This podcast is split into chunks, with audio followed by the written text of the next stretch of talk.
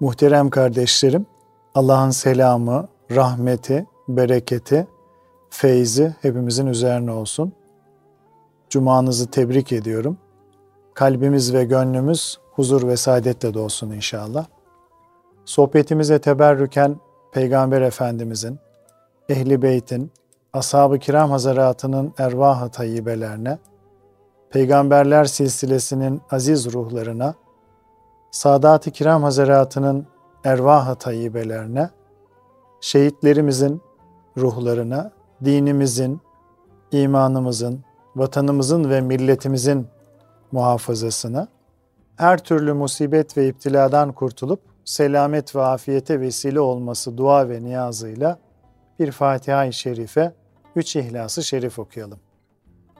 Euzubillahimineşşeytanirracim. Bismillahirrahmanirrahim. Elhamdülillahi Rabbil alemin. Ve salatu ve selamu ala Resulina Muhammedin ve ala alihi ve sahbihi ecmain. Muhterem kardeşlerim, bugünkü sohbetimizde dünyanın tehlikelerine karşı korunma yöntemlerinden biri olan dua konusunu sizlerle konuşmak ve paylaşmak istiyorum. Dua kelimesi çağırmak, seslenmek, istemek, dilemek, yardım talep etmek gibi manalara gelmektedir. Duanın asıl hedefi insanın Allah'a halini arz etmesi ve ona niyazda bulunmasıdır. İslam literatüründe ise Allah'ın yüceliği karşısında kulun aczini itiraf etmesini, sevgi ve tazim duyguları içinde lütuf ve yardımını dilemesini ifade etmektedir. Psikolojik açıdan yapılan tahlillerde ise duanın ilahi yardıma ulaşabilmek için e, başvurulan genel bir ruhi mekanizma olduğuna e, işaret edilmekle birlikte daha çok insanın yaratıcısına fıtri bir yakınlaşma isteğini ifade eder. Allah Teala Hazretleri kulunun ihtiyaçlarına cevap vermek için onun hangi vesileyle olursa olsun kendisine başvurmasını, dua etmesini istemektedir. Nitekim bir ayeti kerimede Kul ma ya'beu bikum Rabbi levla duaukum. De ki sizin duanız olmadıktan sonra Rabbim size ne diye değer versin buyurulmak suretiyle insanın ancak Allah'a yönelmesi ve ona dua etmesiyle bir değer kazanabileceği ifade edilmiştir. Allah'a iltica etmek ve sığınmak, onun lütuf ve yardımını dilemek manalarına gelen duanın Allah'ın hoşnutluğunu kazandırması, kazandırması yanında kulun elde edeceği birçok fayda ve mükafata vesile olacağını gösteren çeşitli naslar vardır. Ayetler ve hadisler vardır. Nitekim Kur'an-ı Kerim dua edene Allah'ın karşılık vereceğini ve Allah'ı zikreden kimseyi Allah'ın da anacağını haber vermektedir. Hazreti Peygamber sallallahu aleyhi ve sellem de dua eden kimseye istediği şeyin ya bu dünyada hemen verileceğini veya ahirete saklanacağını yahut istediği iyilik miktarınca ondan kötülüğün giderileceğini ifade etmiştir. İnsanlığa rahmet olarak gönderilen bütün peygamberler ve hak dostları darlıkta ve bollukta, ıstırapta ve sürurda gönüllerini daima Hak Teala'ya döndürmüşler ve bir niyaz ikliminde yaşamışlardır. Onlar her halükarda Cenab-ı Hakk'a yakarış halinde olmanın lüzumunu hal ve davranışlarıyla ortaya koymuşlardır. Allah'a sığınmak bir yaratılış kanunu ve kulluğun gereğidir. Yerde ve göklerde ne varsa ilahi takdire boyun eğmiş bir halde o sonsuz kudret sahibini lisanı haliyle zikretmekte ve ona yalvarışta bulunmaktadır. Muhterem kardeşlerim, dua kalpte Allah'a açılan en yüce kapının anahtarıdır. Dua tekrarlandıkça deruni duyuşlar müminin ruhuna nakşolur. Şahsiyete karışıp onun bir hususiyeti haline gelir. Bu sebepledir ki yüksek ruhlar devamlı dua halinde yaşarlar. Bir müminin ruhunda Cenab-ı Hakk'a dua ile yakarış duygularının devamlı hale gelmesi Allah ile kul arasında manevi bir bağın kurulmasını sağlar. Duada istenen ilahi rahmet ve merhamettir. Bu itibarla duada yüreklerden ilahi dergaha yükselecek ilk ifade günahkarlık, zayıflık ve acziyetin itirafı olmalıdır. Dua sonsuz kudret sahibi Cenab-ı Hakk'a acziyetimizi kabullenerek bunun huzurunda teslimiyet ve sükunetle boyun eğmemizdir. Gerçekten dualara acziyet ve kusurunu itiraf ile başlamak, ilahi merhameti celbetmekte ve dolayısıyla duanın makbul olmasında oldukça tesirlidir. Nitekim Adem ve Yunus aleyhisselam ayeti kerimelerde bildirildiği üzere dualarında Cenab-ı Hakk'a şöyle iltica etmişlerdir. Şöyle sığınmışlardır. Adem ile eşi dediler ki, Ey Rabbimiz, biz kendimize zulmettik. Eğer bizi bağışlamaz ve bize acımazsan mutlaka ziyan edenlerden oluruz. Zünnunu da yani Yunus'u da Yunus'u da zikret. O öfkeli bir halde geçip gitmiş, bizim kendisini asla sıkıştırmayacağımızı zannetmişti. Nihayet karanlıklar içinde senden başka hiçbir ilah yoktur. Seni tenzih ederim. Gerçekten ben zalimlerden oldum diye niyaz etti. Yüksek ruhların lisanı ve samimi dualar ümitsize hayat verir. Kırık kalpleri teselli eder. İhlas, samimiyet ve gözyaşları ile yapılan dualar ilahi rahmetin ortaya çıkmasına bir davettir. Bizlere duası, duayı yaşayışıyla en güzel bir şekilde talim eden Hazreti Peygamber sallallahu aleyhi ve sellem Efendimiz'dir.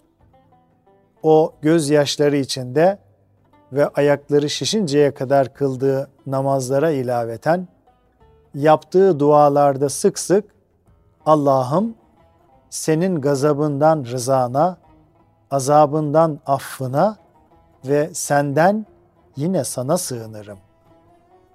Seni layık olduğun şekilde metü sena etmekten acizim. Sen kendini nasıl metü sena etmişsen öylesin diyerek acziyet duyguları içinde Cenab-ı Hakk'a dua ederdi. Ona sığınırdı. Ayrıca duanın ehemmiyetini şöyle buyururlardı.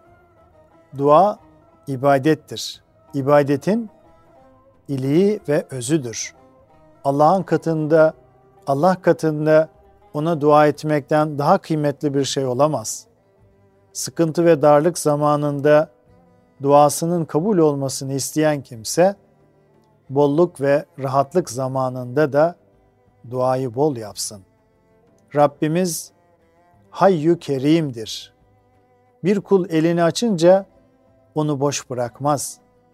Kime ki dua kapıları açılmıştır, ona hikmet kapıları açılmış demektir. Dua, rahmet kapılarının anahtarı, müminin silahı, dinin direği, göklerin ve yeryüzünün nurudur. Mevlana Hazretleri duanın kabulü ile ilgili e, şöyle buyurur muhterem kardeşlerim. Nedamet ateşiyle dolu bir gönüle ve nemli gözlerle nedamet ateşiyle dolu bir gönülle ve nemli gözlerle dua ve tevbe et. Zira çiçekler güneşli ve ıslak yerlerde açar. Duasıyla duanın kabulü için istenilen şeyin sırf lafzen ifade edilmesi yetmez e, kardeşlerim. Duaları havf ve reca yani korku ile ümit arasında yapmaya gayret etmelidir. Kalp duanın yüklendiği manaya ait arzularla titremelidir. Aynı zamanda dua bir günahın affedilmesi yönünde ise o günahın bir daha işlenmemesi hususunda kesin bir azim ve kararlılıkla kararlılıkla e, talep edilmelidir. Diğer taraftan bir din kardeşinin gıyabında yapılan dua da süratle müstecap olur, kabul olur. Peygamber Efendimiz sallallahu aleyhi ve sellem bir müminin diğer bir mümine gıyabında yaptığı duadan daha çabuk kabul edilen hiçbir dua yoktur buyurmuştur. İnsanlar duası kabul olacağı zannını taşıdıkları kimselerden e, dua talebinde bulunurlar. Halbuki duanın kabulünü temin eden asıl sebep ihlas ve samimiyettir. Bu demektir ki bir günahkarın dahi mümin kardeşi için samimi olarak yürekten yapacağı bir dua Allah katındaki mevkii kendisinden üstün zannedilen bir başkasının gönülsüz yaptığı duadan daha hayırlıdır. Hazreti Mevlana'nın büyük bir şefkat ve merhametle söylediği şu sözler pek manidardır. Ey Rabbim! Eğer senin merhametini yalnız salihlerin ümit etmesi gerekiyorsa, mücrimler, günahkarlar kime gitsin, kime gidip sığınsınlar? Ey Yüce Allah'ım! Eğer sen yalnız has kullarını kabul ediyorsan, mücrimler kime gidip yakarsınlar? Muhterem kardeşlerim, mazlum ve gönlü kırık müminlerin duasını almak kadar onların beddualarından da sakınmak gerekir. Aynı derecede onların beddualarından da sakınmak mühim bir meseledir. Nitekim Selçuklu Sultanı Alaaddin Keykubat şehrin kalesini e, tamamladığında Hazreti Mevlana'nın babası Bahaüddin Veled'den e, teberrüken kaleyi görmesini ve kale hakkındaki fikrini beyan etmesini rica eder. Bahaüddin Veled e, Hazretleri e, gidip yapılanları yerinde görür ve şöyle der. Kaleniz sel felaketlerini, düşman akınlarını önlemek için fevkalade güzel ve kuvvetli görünüyor. Lakin sen idaren altındaki mazlumların, ezilen insanların beddua oklarına karşı hangi tedbiri aldın? Çünkü onların beddua okları yalnız senin kalen gibi bir kaleyi değil, yüz binlerce kale burcunu deler geçer ve dünyayı harabeye çevirir. En iyisi sen adalet ve iyilikten kale burçları yap ve salihlerden hayırlı dua askerleri teşkil etmeye gayret et. Böylesi senin için surlardan daha emindir. Zira halkın ve dünyanın güven ve huzuru o dua askerleriyle sağlanır. Hakikaten müminlerin her türlü başarı ve zaferleri gösterilen gayret ve çabaların yanı sıra ihlaslı duaların da bir sonucudur. Olayları sebep-sonuç ilişkisi açısından değerlendiren İmam Gazali Hazretleri, oktan korunmak için kalkanın, bitkilerin büyümesi için suyun birer sebep olması gibi duanın da sıkıntı ve belayı def etmek ve Allah'ın rahmetini elde etmek için bir sebep olduğunu belirtmiştir. Dua ve zikrin insana manevi bir rahatlama, e, güç ve moral vermesi sebebiyle kişinin başa gelen sıkıntılı ve tehlikeli durumlarda veya bu sıkıntı ve tehlikelerden önce hem sabretmesi, direnmesi hem de namaz ve dua ile Allah'tan yardım dilemesi tavsiye edilmiştir.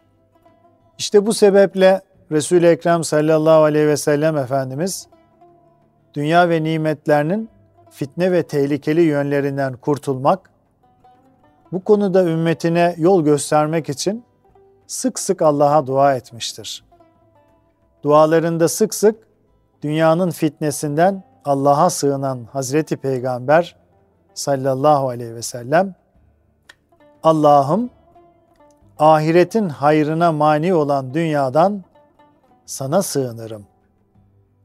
Allahümme aslih li dünyaya elleti fiha meaşi ve aslih li ahireti elleti fiha meadi. Allah'ım üzerinde yaşadığım dünyamı ve kendisine döneceğim ahiretimi ıslah et. Niyazlarıyla da hem dünyasının hem de ahiretinin güzelleşmesini talep etmiştir. Ayrıca Hazreti Ayşe'nin ifadesine göre Resulullah'ın gece namazı kılmak istediğinde önce bazı dualar okuduğu ve onun bu dualar arasında on defa Allahümme inni e'udhu bike min dıyıkı dünya ve dıyıkı yevmel kıyame. Ey Allah'ım dünyanın darlığından ve kıyametin sıkıntısından sana sığınırım dediği ve sonra namaza başladığı nakledilmiştir. Hazreti Peygamber sallallahu aleyhi ve sellem hangi duanın daha faziletli olduğunu soran birine Allah'tan dünya ve ahirette af ve afiyet dilemendir. Çünkü sen bunu istediğinde kurtuluşa, kurtuluşa erersin cevabını vermiştir. Benzer bir hadisinde ise o ezan ile kamet arasında yapılan dua reddedilmez buyurmuş. Ashabın Ya Resulallah o esnada nasıl dua edelim şeklindeki sorusuna da Allah'tan dünya ve ahirette afile, afiyet dileyiniz diye cevap vermiştir. Hazreti Peygamber sallallahu aleyhi ve sellem kendisine gelip Ya Resulallah bana bir şey öğret ben de onu Allah'tan talep edeyim diyen amcası Hazreti Abbas'a da aynı duayı yapmasını tavsiye etmiştir. Yine Hazreti Peygamber'in tavaf esnasındaki iki rükün, rüknü yemani ile Hacer-i Esvet arasında Rabbena atina fid dünya hasene ve fil ahirete hasene ve qina azaben nar.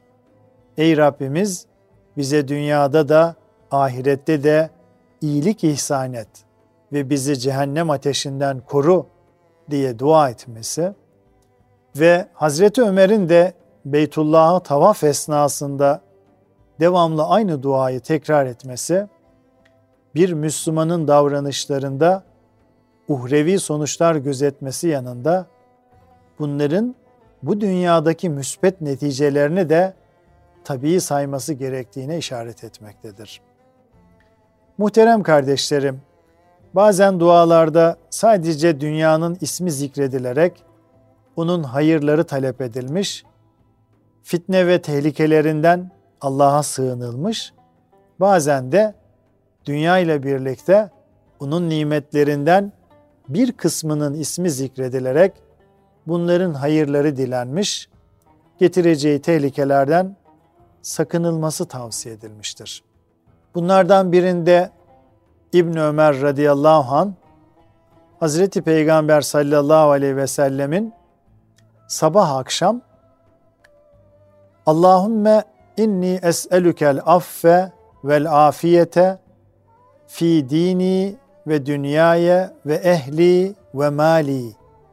Ya Rabbi dinim, dünyam, ailem ve malım hakkında senden af ve afiyet dilerim diye dua ettiğini ve bunu hiç terk etmediğini haber vermiştir. Yine Resulullah sallallahu aleyhi ve sellem aile ve mal hususunda kötü durumlara düşmekten Allah'a sığınmıştır.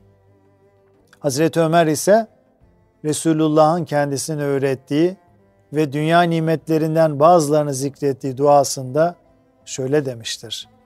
Allah'ım içimi dışımdan daha hayırlı, dışımı ise yararlı kıl. Allah'ım senden mal, aile ve evlat bakımından insanlara verdiklerinin en hayırlısını isterim. Ayrıca senden dalalete düşen veya dalalete düşüren olmamayı dilerim. Resulullah sallallahu aleyhi ve sellemin ve ashabın yapmış olduğu bu dualara dikkatle bakıldığında muhterem kardeşlerim e, hemen görüleceği üzere dünya ve ahiretin hayırları talep edilmiş, onun fitne ve tehlikelerinden Allah'a sığınılmıştır. Hazreti Peygamber'in dünyanın fitnesinden sık sık Allah'a sığınması ve bunu ashabına da öğütlemesi her noktada aciz ve Allah'a muhtaç olan insanoğlunun dünyanın tehlikelerinden kurtulmada başvuracağı ve vazgeçemeyeceği en önemli yollardan birinin dua olduğunu göstermektedir. Öyleyse biz de sohbetimizi Peygamber sallallahu aleyhi ve sellem Efendimizin sık sık tekrarladığı ve bizlere de tavsiye ettiği Ey Rabbimiz bize dünyada da ahirette de iyilik ver, bizi cehennem ateşinden koru duasıyla bitirmiş olalım inşallah. Kalın sağlıcakla muhterem kardeşlerim.